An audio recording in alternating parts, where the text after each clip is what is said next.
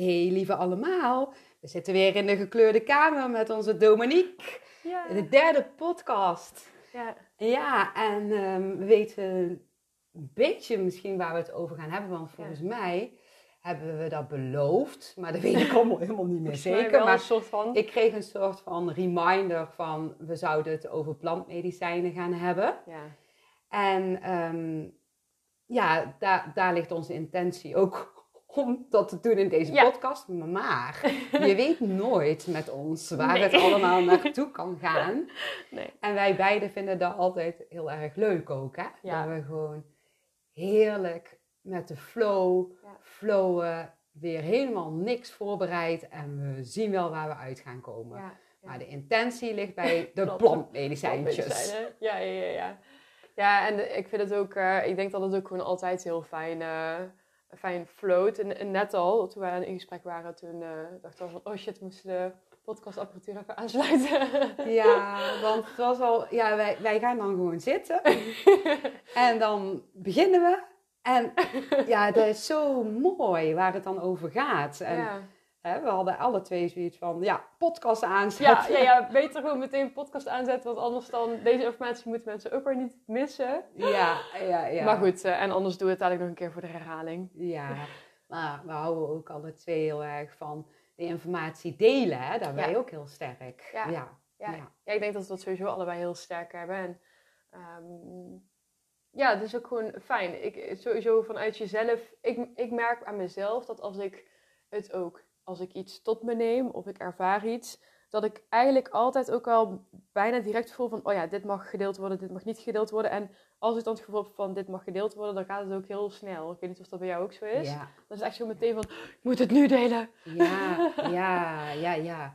Ja, ik ben dan ook zo'n zo iemand die dan alles er meteen uit wil vloepen, hè? Ja, Want dan voel je iets en dan heb je zoiets van, oh, ja, dat, dat, dat wil je delen. En dan heb je zo de behoefte en dan voel je weer iets en dan ja. lijkt het wel alsof ik soms sneller als het geluid ga. En ik ben er ook achter gekomen, hè, want nou doe ik al ja, best wel eh, sinds enige tijd ook met mensen gesprekken voeren Ja. voor de podcast dan. ja. Eh, dat ik mag leren om niet te veel door te ratelen.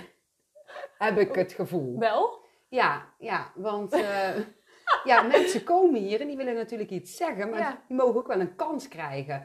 Maar als mensen hier komen voor een consult, dan Ja. komen ze natuurlijk Ja. eh, voordat ik in ga voelen hè, op hun energieintentie. En dan hoeven ze eigenlijk in feite niks te zeggen. En van daaruit ja, pak ik de flow, de energie van de bron, de ziel en alles, heel totaalplaatje eigenlijk. Ja. En ben ik eigenlijk constant aan het vertalen wat ik ja, doorkrijg. Ja. Zowel als beelden, eh, dat je beelden kunt krijgen of een innerlijk weten of, of, of eh, heel veel voelen. En steeds weer ben ik dan aan het vertalen en dan gaat maar door. En heb je het een doorgegeven, dan is het andere, die ligt er al. Mhm. En soms ben je met eh, vier verschillende intenties die je oppikt als zender bezig. En dan wordt die informatie gedownload. En zie dan maar eens zo snel mogelijk te vertalen. Dus ik ben super gewend om Ja. dit Ja, ja. te doen. Ja. Oké, maar ik had zoiets van, het mag ook iets rustiger misschien. Nou ja, weet je, het, is wel ehm, wat ik dan eh, zelf heb ervaren bij de, de consults, is het ook, daar kom je ook wel voor. En ik geloof ook wel dat het in, soms in spiritualiteit, want zo noem ik het even, dat het soms ook wel lastig is, want je gaat verschillende eh, therapeuten of coaches of eh, begeleiders, weet ik veel hoe je het wil noemen, mediums, whatever, ga je, eh, ga je af. Niet iedereen, sommige mensen zijn gewoon goed bij één iemand, maar Allah. En bij sommige mensen merk je gewoon van, hé, hey, oh, dat, dat, voel, dat voel ik niet helemaal. Of ja, die geven informatie, ja, dat kan overal op slaan.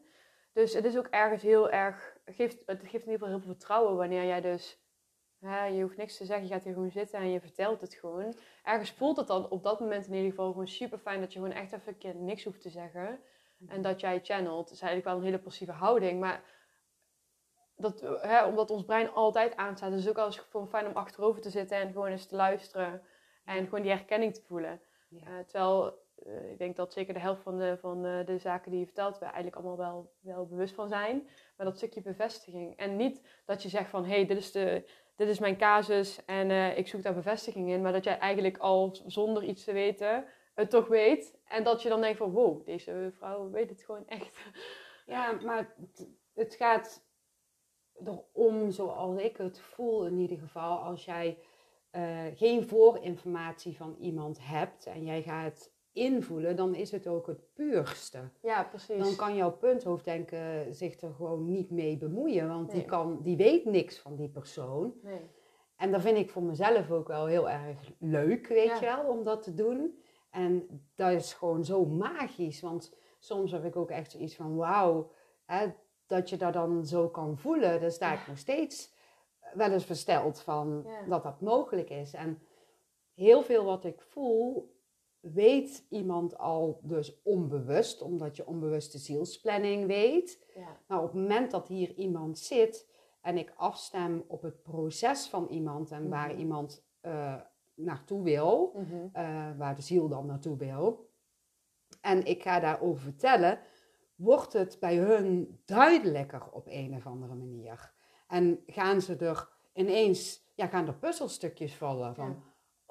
Zit dat zo in elkaar? En soms is het nodig om ehm, eerst net even iets anders te doen om daar te kunnen komen. En ja, dat is gewoon zo gaaf. Ja.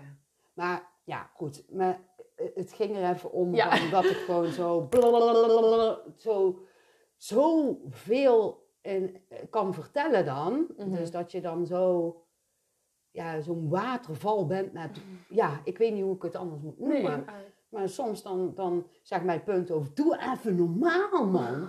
Dat is veel te veel. En dat gaat allemaal veel te snel. Maar dan zeg, check ik altijd bij de ander van, kun je het volgen? Begrijp je wat ik bedoel? Ja. Ja, ja, ja. Ja, ik Want we weten het Ja. diep van binnenin. Ja, ja, ja. ja. Dus dat, dat is ook al mooi, want voor jou is het meer van jeetje, wat een waterval. Terwijl die persoon, althans als ik voor mezelf mag spreken, ik zit er echt zo, wow, ja, ja, ja, dit, ja, ja. Heet het bevestiging? Oh ja, oh ja, oh ja. Ja. Dus het is ook al voor die persoon zelf, is het, je bent natuurlijk een stukje over zijn of haar ook realiteit op dat moment aan het spreken. Eh, en ik denk dat dat gewoon, dat, dat diegene het daardoor heel goed kan volgen. Ja. Ehm, ja, dat klopt. Zoals ja. ik het levensverhaal van iemand anders moet vertellen, ja, dan, dan, heeft die persoon, dan, dan weet die persoon daar niks van natuurlijk. Ja, maar het ging, gaat er ook over in de podcast. Hè? Als ik dan met mensen ja, Ja. in gesprek ben. Dat is geen consult, Sandra. Maar dat is gewoon een gesprek en dan mag die andere ook aan het woord. Mag die andere ook Ja. even praten? Ja, maar, Mag mis- ik even vijf minuutjes? maar misschien, eh, misschien telt het niet. Ja, Ik heb het zo niet ervaren. hoor. Nee, ik heb het zo niet ervaren. Maar Nee. misschien ben ik zelf ook wel gewoon iemand die makkelijk praat. Dus als ik gewoon ergens een pauze vind, kadang. dat is waar. Ik, ben, ik ben aan de beurt. ja, jij neemt wel de leiding. eh. en als jou niet de leiding neemt, dan pak ik gewoon heel het gesprek over. Zo ben ik. Ja. Nee, ik heb het in ieder geval nooit zo ervaren. Maar goed, we gaan er rekening mee houden. Ik ga gewoon eh, eens even luisteren, want hé, hey, Dominique, Ja. wat kun je vertellen over plantmedicijnen? Of wat wil je vertellen? Ja, poeh, dit is zo breed eigenlijk. Nou, heel toevallig dat ik... Want we hadden al best wel lange tijd geleden... hadden wij iets gepland ook om deze podcast op te nemen. Eigenlijk direct na de laatste, volgens mij. En eh, in de tussentijd heb ik zelf een podcast over opgenomen. Ja. Over plantmedicijnen.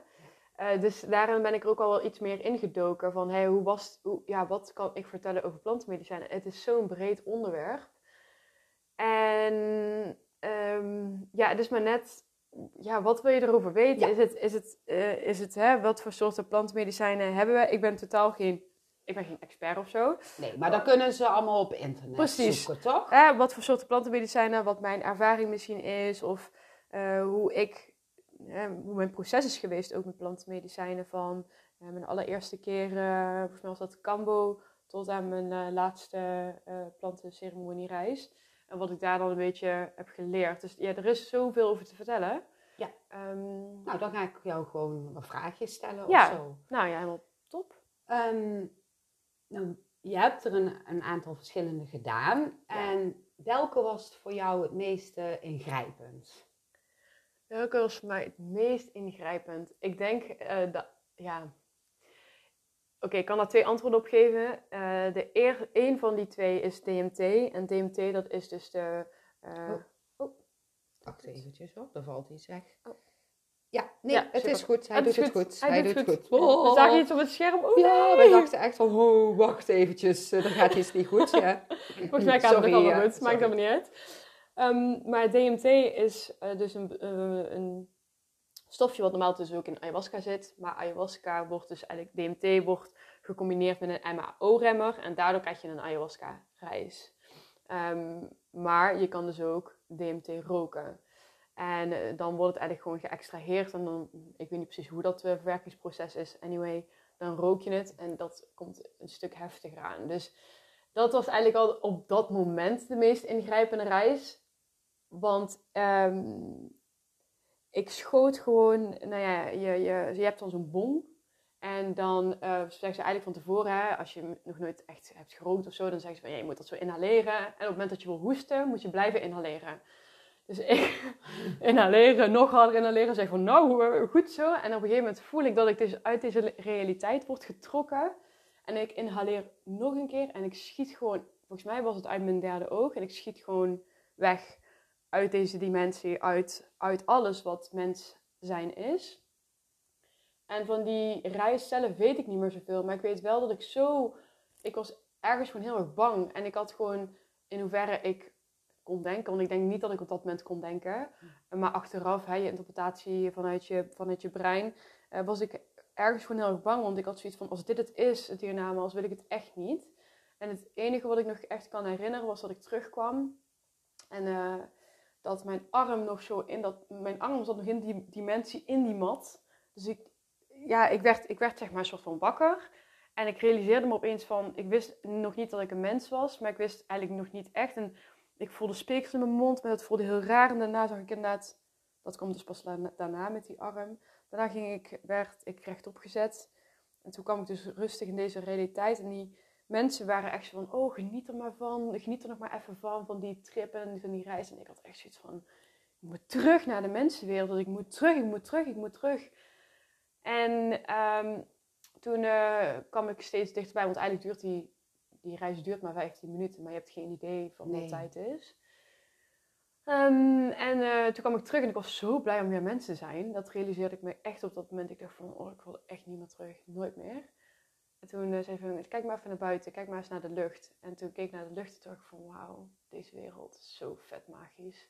Ik zag zo de bomen en het was toen een beetje zo donker weer, maar het weer, het dacht ik dacht echt, alsof je voor de allereerste keer vanuit een blik vanuit een mens naar de wereld keek.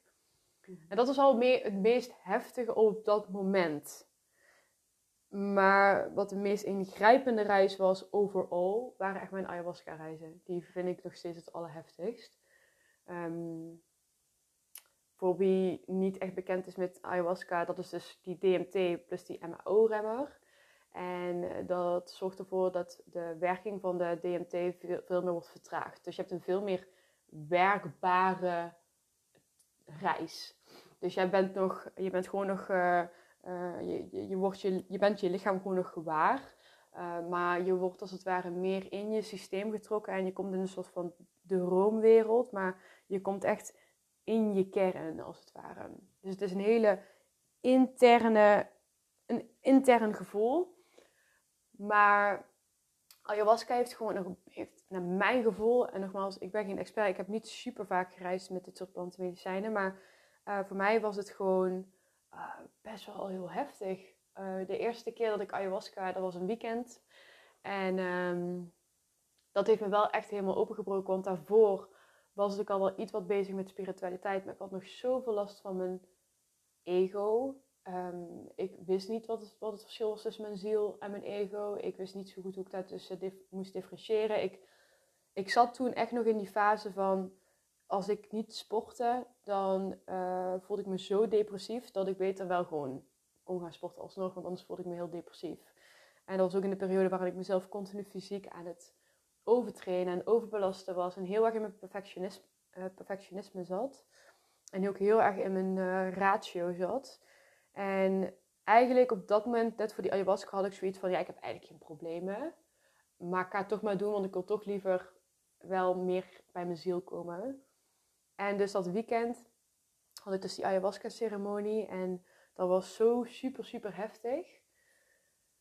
En daarna was ik gewoon echt een beetje zo'n gebroken eitje. Ik was zo'n zacht eitje geworden. En uh, ik ging opeens van helemaal ego-ratio, ging ik opeens helemaal wow, spiritueel. En ik weet niet of je het zelf herkent, maar als je helemaal in die spiritualiteit zit, dan was het heel heftig. En dan identificeer je helemaal met het spirituele. Dus dan ga je misschien ook weer iets extremer richting mm. die kant op.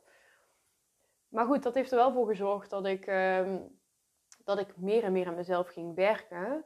In het begin dus veel meer met andere plantenceremonies. Want ik had niet het idee dat ik het zelf kon doen. En therapeuten en mediums en whatever. Alles wat ik kon vinden, dat wilde ik hebben. Want ik dacht, mensen gaan mij de waarheid vertellen. Ja. Toen nog niet wetende dat ik het zelf kon. En uh, mijn allerlaatste ayahuasca-reis, dat is... Poeh, uh, was dat vorig jaar oktober? Volgens mij ben ik daarna nog hier geweest.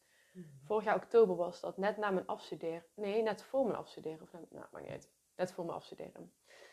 En um, ja, ik weet even niet wanneer het was, maakt het niet uit. Maakt niet uit. Uh, maar dat was echt heel heftig, want wat het is met ayahuasca is, um, je hebt niet zo heel erg die controle. Dus je, je wordt ergens naartoe gebracht. En natuurlijk kan het soms wel zijn dat je ergens even een andere richting op mag. En voor iedereen kan dat ook heel erg anders zijn. Hè? Het is alleen maar vanuit mijn ervaring. Maar uh, ik werd in één keer zo in een, trauma, in een trauma gegooid. En de ene kant was het wel behapbaar. Omdat je toch in die droomwereld zit. Hè? Als je wakker wordt van een droom, dan heb je soms ook van... Oké, als ik nu zou denken aan die droom, vind ik, dan is die eigenlijk heel raar. Maar in je droom lijkt het wel normaal. Dus daar kan ik het een beetje mee vergelijken. Dat het gewoon wel behapbaar was op dat moment. Maar de trauma bleef zich maar afspelen, afspelen, afspelen, afspelen. En ehm, de dag daarna weer. En uh, dat heeft ook nog echt wel een hele periode geduurd voor ik dat een plekje kon geven. En eigenlijk nog steeds. Dus ik ben dat nog steeds een plekje aan het geven. Um, dus dat zijn eigenlijk de meest, de meest ingrijpende ceremonies. Kun je, of wil je iets vertellen over dat trauma waar je in stortte? Een ja. stukje? Ja. Uh, bij, um, sowieso bij uh, vanaf het eerste moment dat ik de plantenmedicijnen ging doen, merkte ik al een heel erg trauma op mijn bekken. En dat leek gewoon iedere keer terug te komen.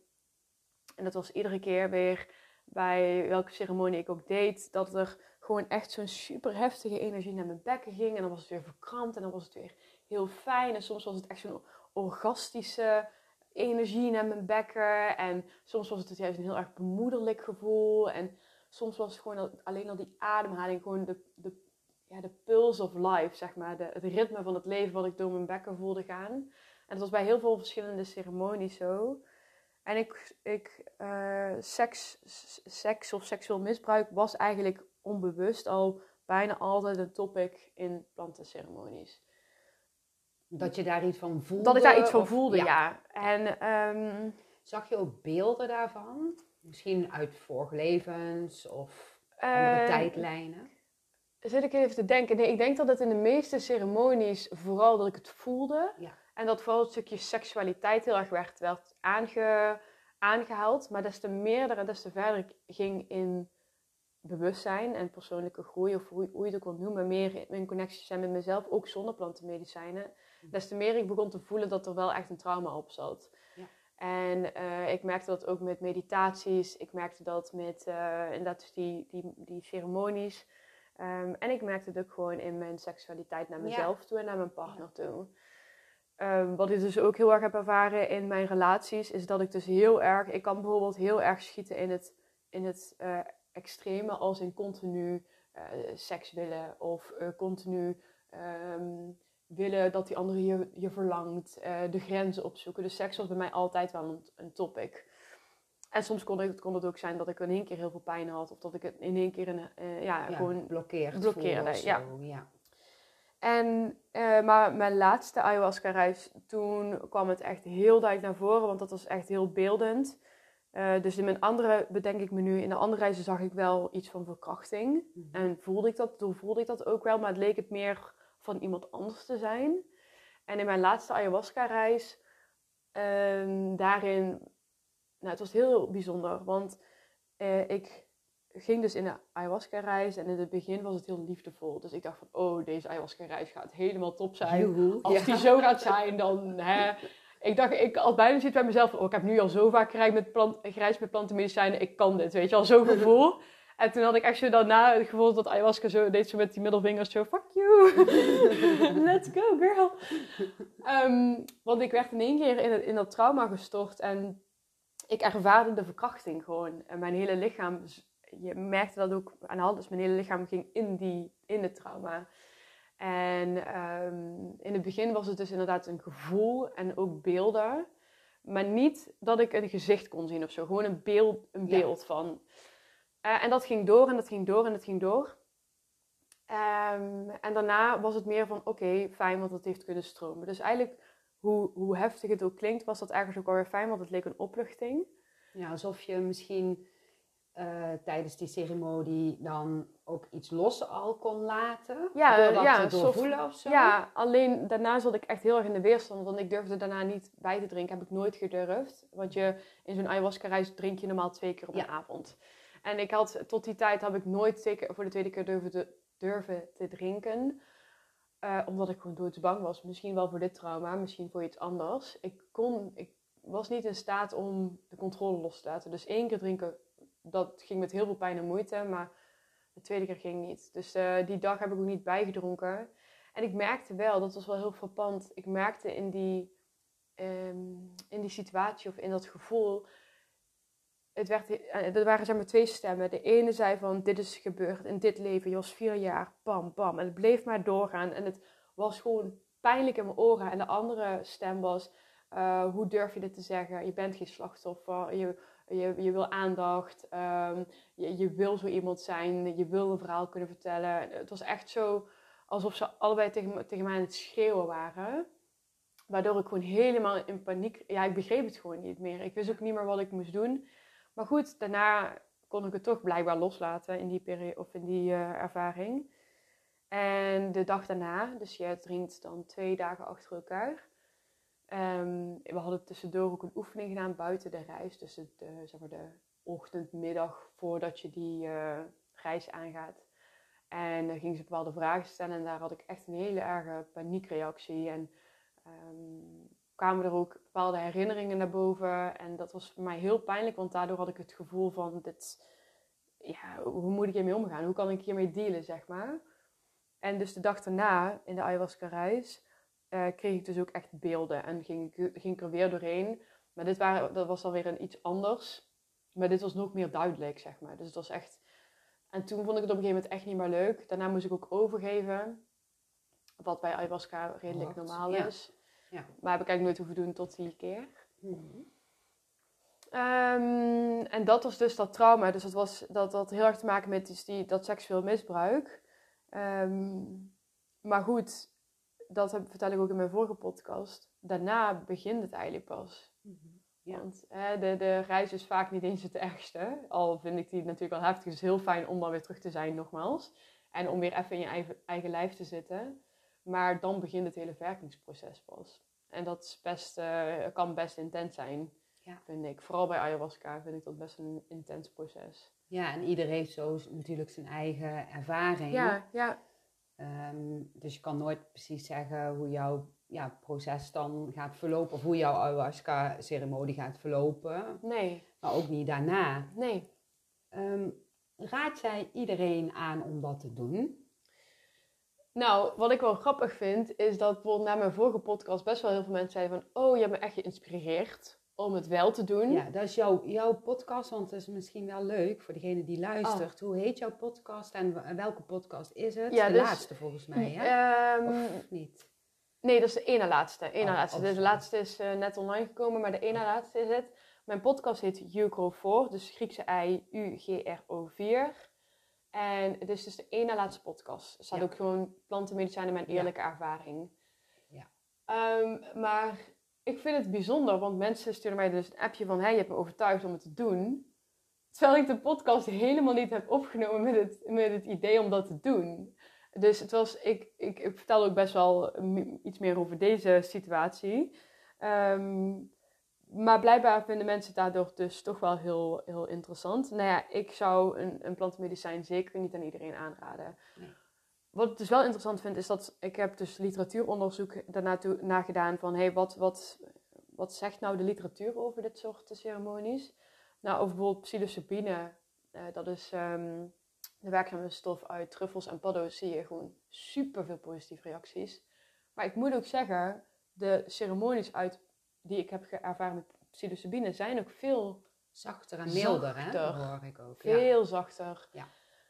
Eh, over ayahuasca zie ik ook toch wel heel veel positieve reacties. Maar je moet je ook voorstellen, dat is allemaal in een gecontroleerde setting. Dus die onderzoeken zijn gedaan waarbij er dus een dosering is, is eh, ehm, eh, dat mensen ja, dosering hebben binnengekregen. Maar die zitten dus ook in een setting waarin alles gecontroleerd wordt en waarin alles wordt gemeten. En ik kan me voorstellen dat dat ook veel meer een gevoel van security geeft dan wanneer jij gewoon ergens eh, in een groep van 16 eh, man ayahuasca gaat drinken. Dus ik zeg niet daarmee dat, dat ik ayahuasca... Hè, mensen moeten dat gewoon echt helemaal zelf voelen. Maar het is, eh, het is gewoon niet zonder... Ik zal niet zeggen zonder risico, want... Ja, het is Ja, maar ik begrijp wel wat je bedoelt. er zit hoor. iets langers Ja. aan, er zit een langer proces aan dan alleen maar de trip zelf. Ja. En als, wat ik nu wel vaker hoor van hè, mensen dat zeggen van, oh, ik wil dat doen of ik wil hè, met ayahuasca. En dan heb ik bijna het gevoel van, wil je nou ayahuasca doen omdat, omdat het tegenwoordig een hype is om ayahuasca te doen? Mhm. Eh, niet lullig bedoeld naar hun, maar ik, ik wil daarin wel een stukje bescherming geven, want het is niet allemaal gewoon maar iets wat je erbij doet. Ja, of een tovermiddeltje van, nou... dan Als ik ayahuasca doe, Ja. zijn allemaal levensproblemen opgelost. Nee. Nou, nee. Nee, altijd. je krijgt er een Nee, heleboel bij soms. Ja. Maar er zou dan, ja... Is er, is er goede nabegeleiding? Ik denk dat dat, want dat heb ik dus ook, ehm zeg ik dus ook in de podcast, of ik heb het daarna een keer een post over geschreven van. eh, het nadeel met dit soort ceremonies is dat, ik, dat er en de contro- gecontroleerde setting is er vaak niet. En er is weinig nabegeleiding. Ja. En als er al nabegeleiding is, wie geeft dan die nabegeleiding? En waaraan, wat is, wat is een nabegeleiding die kwalitatief goed is en wat is een nabegeleiding die kwalitatief niet goed is? Dus daarin heb ik niks kunnen vinden dat er bepaalde factoren of eisen aan, dat je daaraan moet voldoen. Mhm. Hè, ayahuasca is inmiddels toch verboden in Nederland, Ja. dus alles gaat een beetje underground. Ehm, maar er zijn gewoon heel weinig kwaliteitsparameters waaraan mensen of kwaliteitseisen waaraan begeleiders moeten voldoen. Dus ik vind dat heel lastig, want toevallig dat ik dus mijn laatste podcast heb, heb gesproken over toxische spiritualiteit. Het kan zijn hè, dat, dat eh, je gaat ayahuasca drinken en iemand is helemaal van ja, en, en die trauma's moeten eruit en eh, alles is voor jou en, en het hoort zoals het hoort en bla bla. En dat is allemaal prima. Maar daar ga je iemand niet mee helpen als die helemaal getra- ge- opnieuw getraumatiseerd is na zo'n ceremonie. Want ik heb ook al een aantal verhalen eh, gehoord. En ook van heel dichtbij gezien dat mensen gewoon echt opnieuw getraumatiseerd raken. Ja, En dat je dus daarbij wel gespecialiseerde hulp nodig hebt. zeker. Ja. Eh, maar als jij zelf, hè, je zegt, eh, kijk, dat, dat alles moet gebeuren zoals het moet gebeuren, ala, dat begrijp ik. Ja. Maar dat wil niet zeggen dat die persoon geen tools nodig heeft.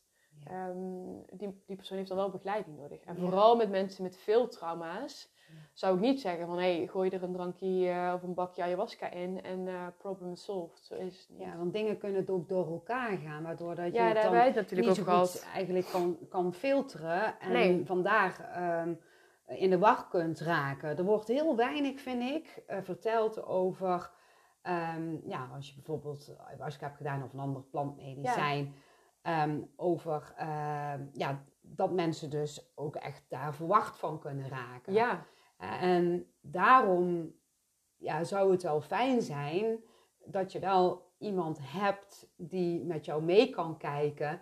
ehm, eh, om jou uit die verwarring te halen. Mocht je echt zo in de war raken dat je bijvoorbeeld psychoses krijgt. Want daar hadden we het Ja, voor de over, podcast ja. ook nog eventjes over. Want er kunnen echt verschillende tijdlijnen of vorige levens of ja, wat dan ook door elkaar gaan lopen. Waardoor Ja. dat jij eh, niet goed meer in ehm, ja, jezelf zit eigenlijk. Hè? Dus Ja. dat je eigenlijk uit jezelf vliegt. ja, ja, ja. En wat daarin ook is, is wat, wat, wat je zo vaak ziet, en dat zie je niet alleen bij plantenmedicijnen, maar dat zie je ook gewoon in, de, in het landschap van spiritualiteit, is van hè, het moet zo zijn, dus eh, je hebt jezelf voor gekozen, of het moet gewoon zo zijn. En tuurlijk, eh, als ziel hebben we hiervoor voor gekozen. En tuurlijk, het moet gaan zoals het gaat.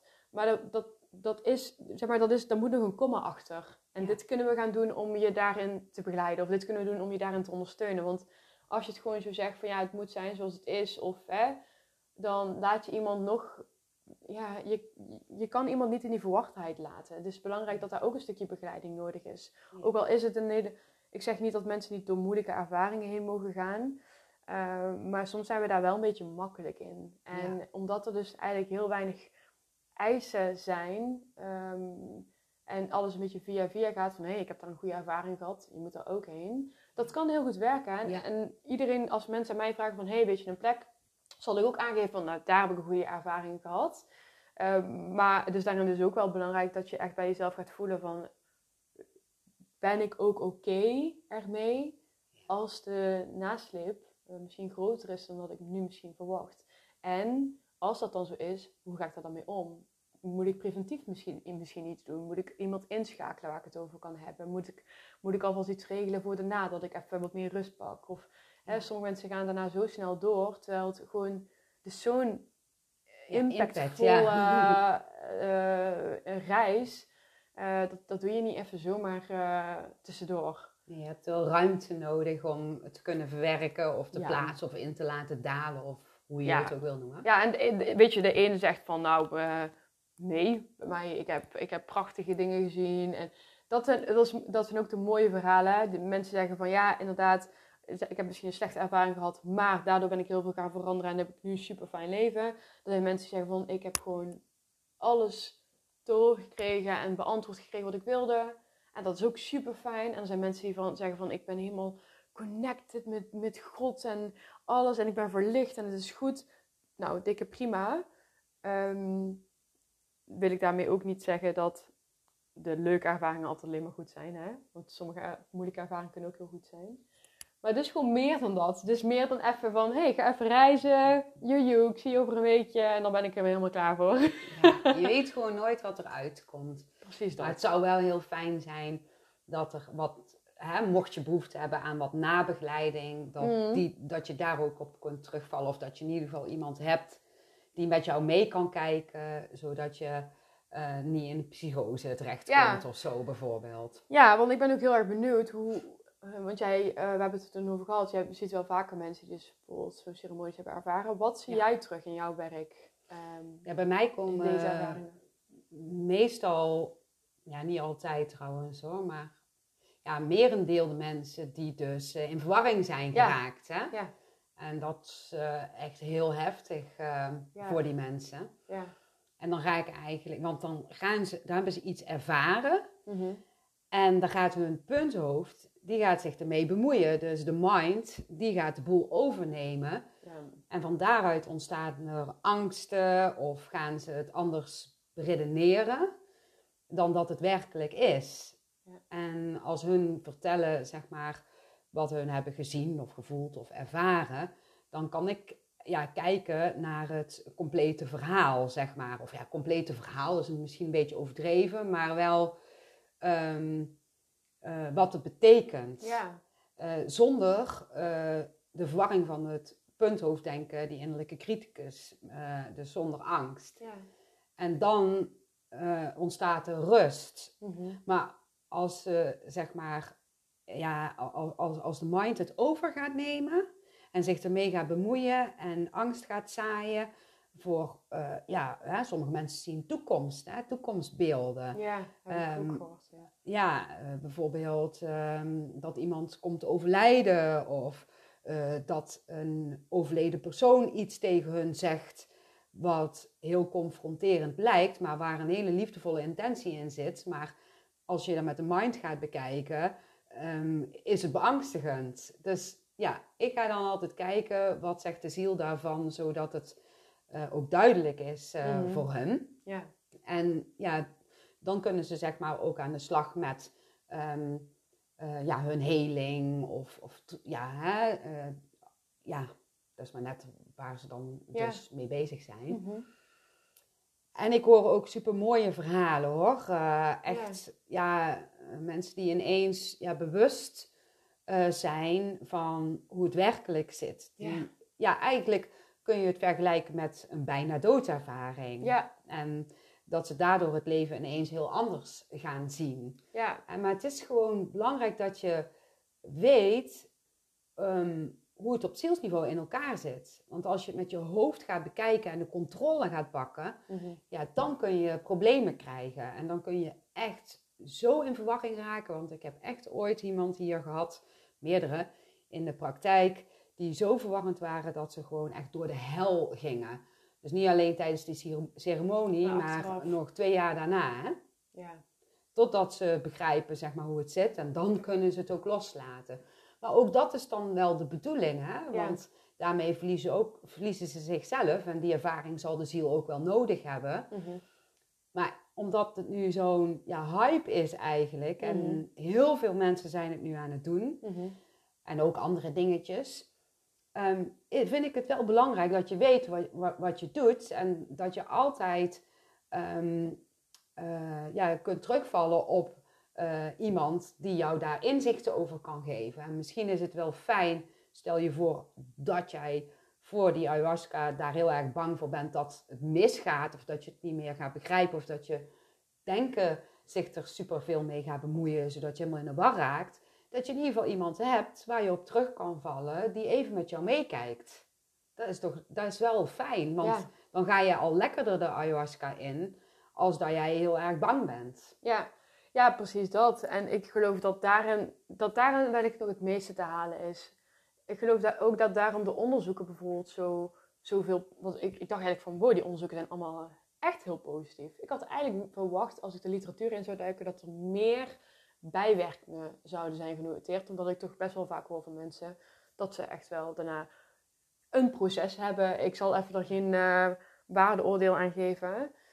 Ehm, maar dat daarin de begeleiding, de voor- en de nabegeleiding, dat die er niet is. Maar dat mensen ook daarin wellicht iets te makkelijk denken. Van, oh, ik doe dat inderdaad. Of ik ben ergens op vakantie in de Amazone en ik ga daar gewoon doen omdat er een shamaan is.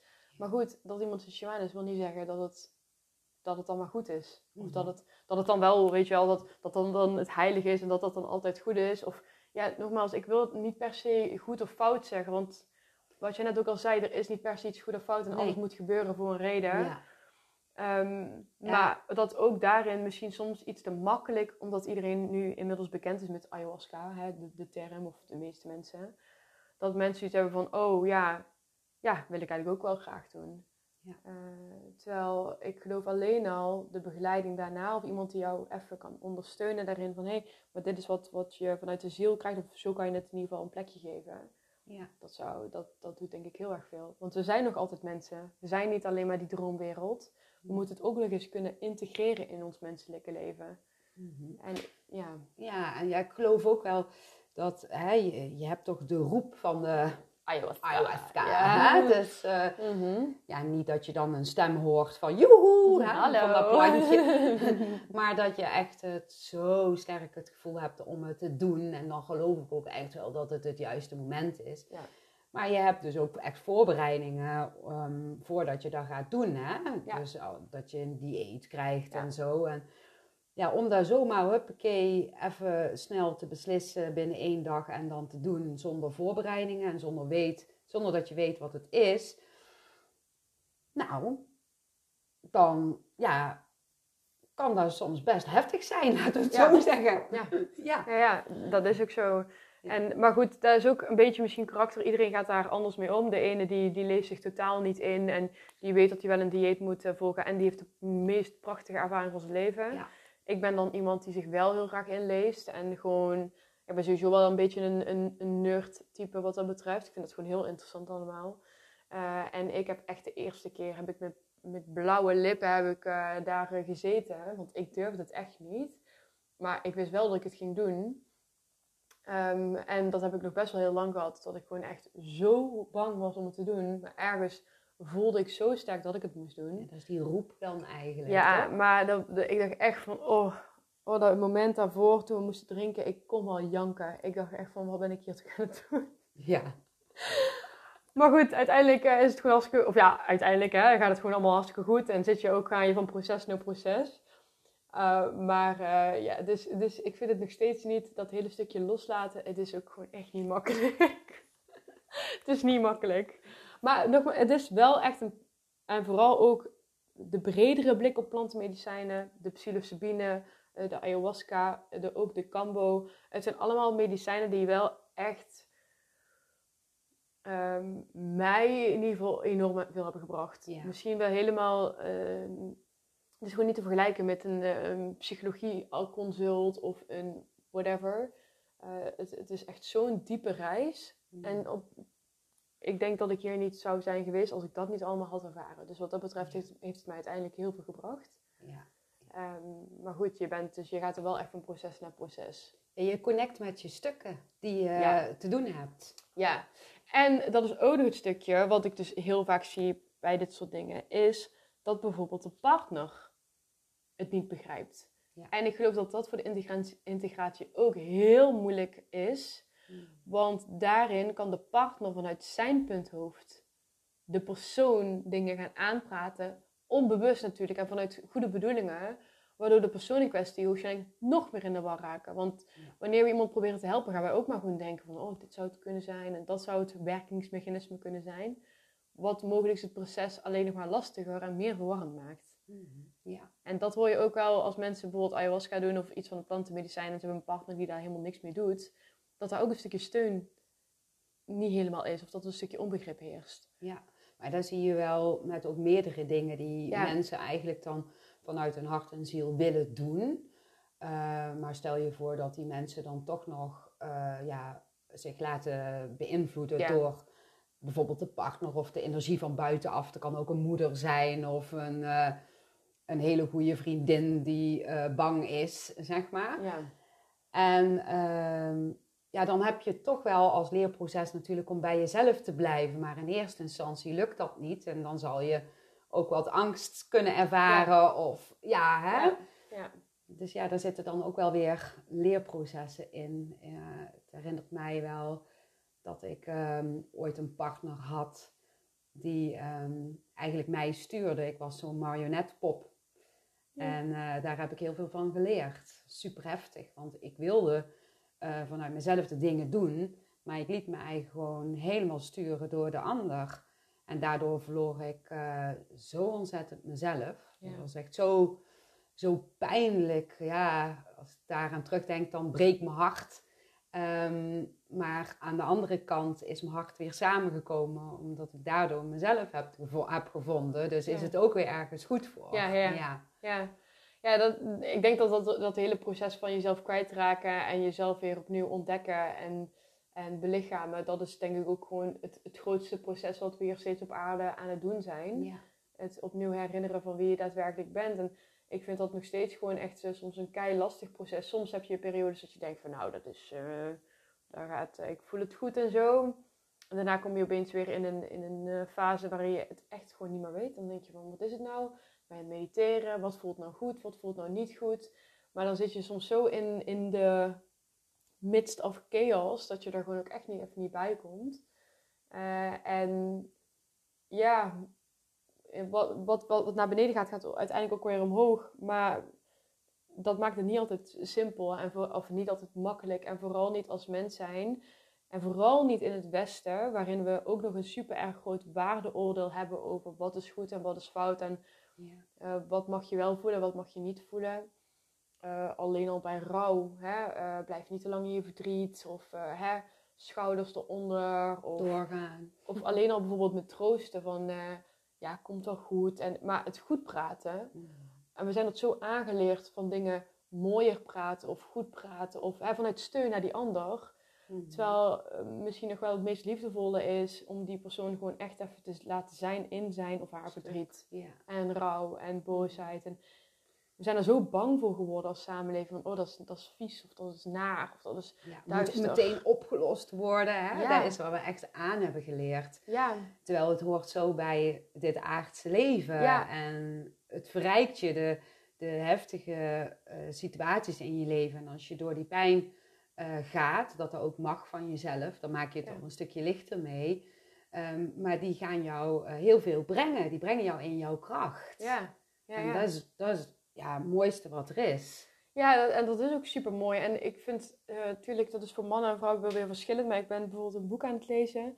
En daarin eh eh, haalde zij een onderzoek aan dat vrouwen. het? eh, dat boek heet Into the Wild.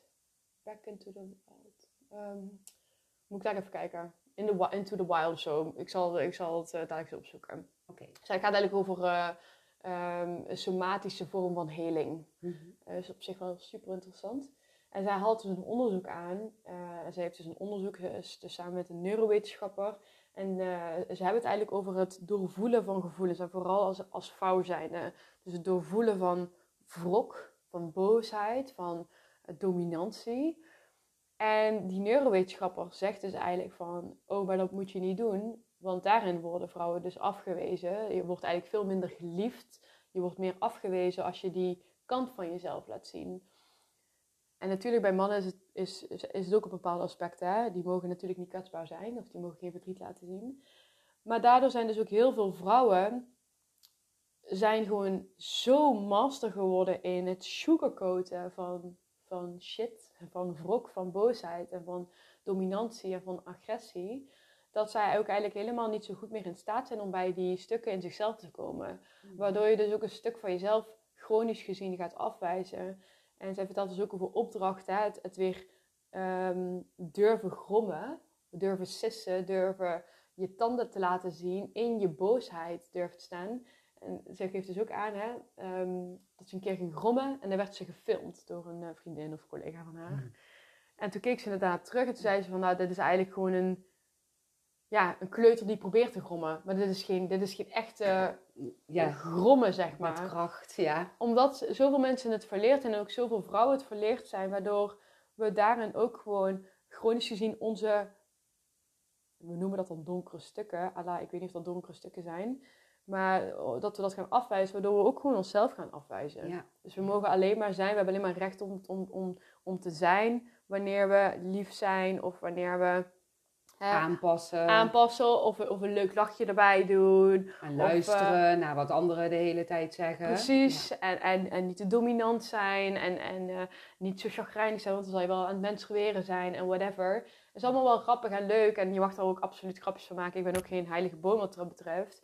Alleen die continue, die conditioneringen maken wel dat wij uiteindelijk gewoon zoveel verder van onszelf af gaan bewegen.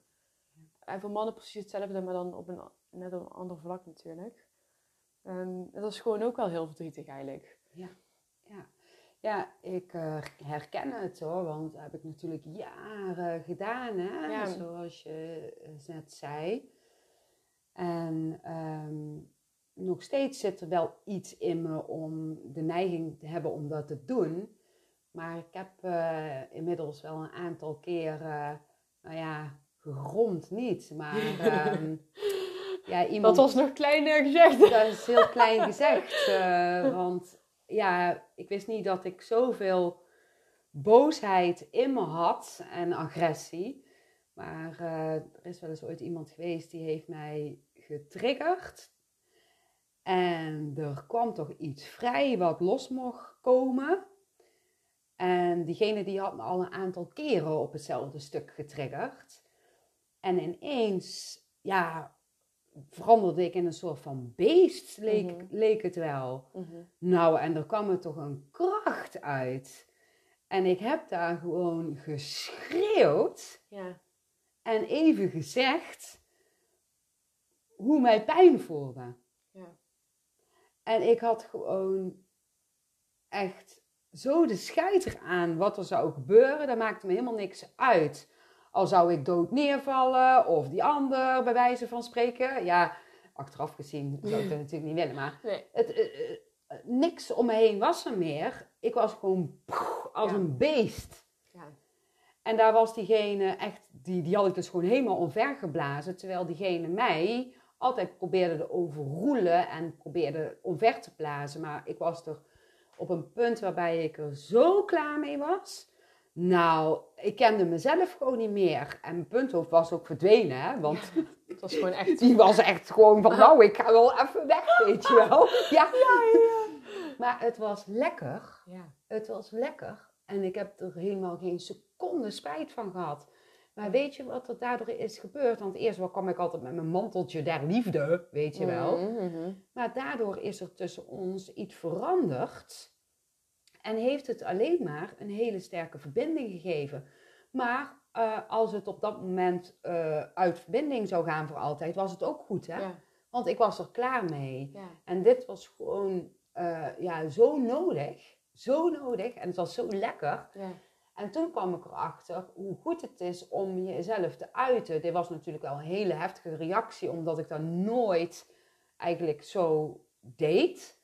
Maar goh, wat was het bevrijdend. zeg. Ja.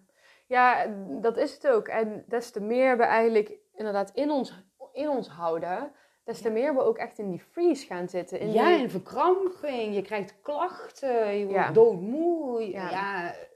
ja. Terwijl we eigenlijk gewoon vanuit nature, vanuit ons evolutionaire zijn, willen we, willen we juist die beweging maken, willen we juist dat geluid maken, willen we ons juist tot expressie brengen. Maar iedere keer ook die micromomenten van dat je eigenlijk boos of verdrietig of geïrriteerd of gefrustreerd bent en je slikt het in. En, Ja, en je houdt het bij je. geleerd. En je houdt- Inhouden, Ja. niet doen, niet uiten. Ja. En daarom is het misschien ook zo'n explosie geweest. Maar als je toch de kinderen al leert van... Ja, boosheid mag er gewoon zijn. Dan Ja. kun je dat gewoon doseren. Het hoeft er niet een explosie te Precies, zijn. ja, Ja. ja. En natuurlijk, eh, want dan denk- hoor ik mensen ook alweer denken van... Ja, nou, eh, kinderen wil je ook niet altijd eh, zo boos houden. Maar alleen al het benoemen dat het gevoel van boosheid er mag zijn... en Ja. de bewegingen die daarbij horen, dat die er mogen zijn... doet al zoveel. Alleen, ja, in deze samenleving zijn we... We willen eigenlijk allemaal... Ja, we willen het allemaal goed doen voor Perfect elkaar. zijn, en, en ja. lief zijn voor elkaar. En, en hè, je gaat je niet verlagen tot, tot zo'n gedrag. En eh, hè, maatschappelijk verantwoord. En ik ben er zelf ook absoluut een deel van. Ik weet nog dat mijn moeder, nu bedenk ik me dat, mijn moeder zei altijd van, Dominique, jij bent de dochter, ik ben de moeder, hè. Eh, omdat ik dan zo lekker maatschappelijk eh, verantwoord eh, ging praten op een, een bepaalde manier. Maar goed, dat is dan op dat moment je coping, hè, want dan ben je hoger dan die anderen. Eh, en dan zit je zo hard in je punthoofd en dan zit je helemaal niet meer in je gevoel. En ik denk daarom ook dat er bij mij daarna heel veel eruit is gekomen. En dus bij jou inderdaad ook. Ik denk bij, bij ons allemaal dat het er op een bepaalde manier uit gaat komen. Ja. Ehm, en dat dat ook gewoon nodig is. Het moet er, je moet het, iedere beweging, ieder geluid dat je niet hebt kunnen maken in dat moment wordt opgeslagen. Of je dat nou weet of niet. En dat moet ergens een keer eruit. Dus daarom is dansen en bewegen en Ja. eh, trillen en vibreren en neurien en ja. zingen allemaal zo mooi. Ja. Omdat je het dan los kan maken. Ja. Ja, wat doen wij allemaal? We zitten acht uur lang eh, op kantoor, achter ons laptopje, in dezelfde houding. En dan gaan we misschien s'avonds een, een half uurtje of een uurtje sporten in dezelfde houding. Ja, daar komt natuurlijk niks uit. ja, Ja, oh god, Ja. Ja. Ja. Ja, ehm, ik zie dat eh, onze tijd, eh, Ja. dadelijk, dadelijk gaat het piepje weer. ja. Ehm, wil je nog even doorgaan of zullen we hem afronden? Eh, ik weet niet of jij nog vragen hebt of dat jij nog iets wil bespreken. Ehm, ik denk dat het voor, voor nu goed is, Ja. want we gaan ook een leuke podcast Ja. opnemen voor jou zo meteen. Dus ja, dus dat vind ik ook super superleuk. Ja. Heb jij, wil jij nog iets delen of voor degene die luistert? Ehm, ik denk dat het vooral heel erg belangrijk is dat eh, wanneer je merkt, en natuurlijk we leven in een maatschappij waarin we niet altijd tot onszelf tot expressie kunnen brengen in de manier waarop we dat willen, maar eh, weet daarbij dus ook dat het op een bepaalde manier wel tot uiting gebracht moet worden. Dus ben ook niet bang voor je emoties en als je toch die angst voelt, zorg er dan voor dat je iemand bij je hebt. Een, eh, hè, dat kan een vriendin zijn of een partner die je een veilig gevoel geeft. Of gewoon echt een therapeut of een begeleider. Die je kan ondersteunen in het proces van loslaten. Want des te meer je gaat vasthouden, des te meer je gaat verkrampen, in je ratio gaat zitten, in je punthoofd gaat zitten. En des te minder, eh, of des te moeilijker het ook wordt om weer naar die ziel terug te komen. Eh, dus het is zo belangrijk om weer in connectie te zijn met je lichaam door alleen al zoiets simpels als bewegen. En wat jij net al zei, door te zingen, door te voelen. Creatief te zijn. precies, door creativiteit is gewoon precies, ja dat weet je als geen ander, is gewoon precies wat, wat wij als mens hier aan het zouden moeten doen. Het, het, het, ons creatiekracht is het mens zijn. Dus dat is, ja, dat is gewoon prachtig. En dat zou ik gewoon iedereen aanraden om daar eh, na deze podcast nog even mee, mee te zijn en misschien eens mee te gaan spelen en over na te gaan voelen. Super mooi. Ja. Nou, dan wil ik jullie, jou weer, jullie. Ja, ja. ik heb mijn persoonlijkheid, mijn tweede persoonlijkheid. En je ziel. en mijn ziel. En mijn helpers. Het Super leuk. bedankt. en ja, Ja. Ik, ik, ja, ik denk dat we nog wel een keertje een podcast Ja, jij bedankt nemen. heel erg. Ja, heel eh, graag gedaan. Ja. En eh, lieve jij die eh, hebt geluisterd, Ja. dankjewel. En heel graag tot de volgende keer. Ja, doei. doei. doei.